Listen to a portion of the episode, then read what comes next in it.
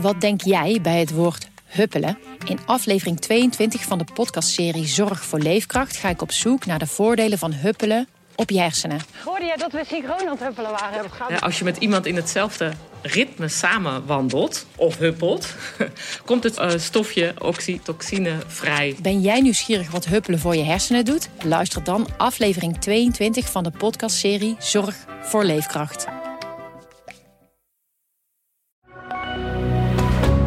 Goedendag, dit is het nieuwsoverzicht van de Stentor. Justitie zwijgt over het opmerkelijke nieuws in de zaak rond de moord op Denise Celik. Er werd wereldwijd gezocht naar de dader, maar die blijkt al een jaar in de gevangenis in Turkije te zitten.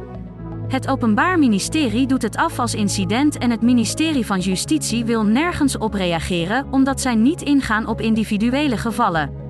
De Nederlandse politie heeft de moeder van Denise inmiddels tekst en uitleg gegeven.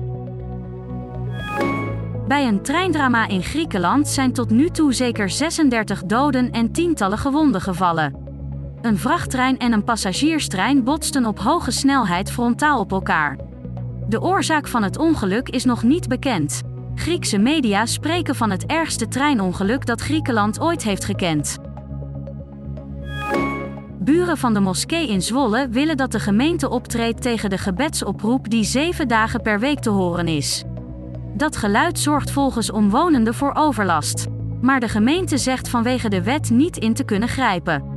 Ook het nieuwste bezwaar tegen de gebedsoproep is afgewezen. Een fietser is zwaargewond geraakt bij een ongeluk op een kruising in Warnsveld. Het slachtoffer werd geschept door een auto.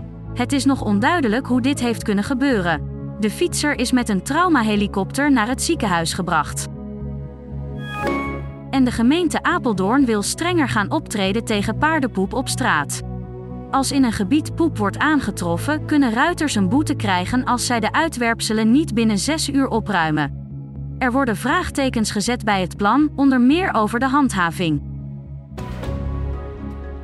Tot zover het nieuwsoverzicht van de Stentor. Wil je meer weten? Ga dan naar de Stentor.nl. Wat denk jij bij het woord huppelen? In aflevering 22 van de podcastserie Zorg voor Leefkracht ga ik op zoek naar de voordelen van huppelen op je hersenen. Hoorde jij dat we synchroon aan het huppelen waren? Ja, als je met iemand in hetzelfde ritme samen wandelt of huppelt, komt het uh, stofje oxytocine vrij. Ben jij nieuwsgierig wat huppelen voor je hersenen doet? Luister dan aflevering 22 van de podcastserie Zorg voor Leefkracht.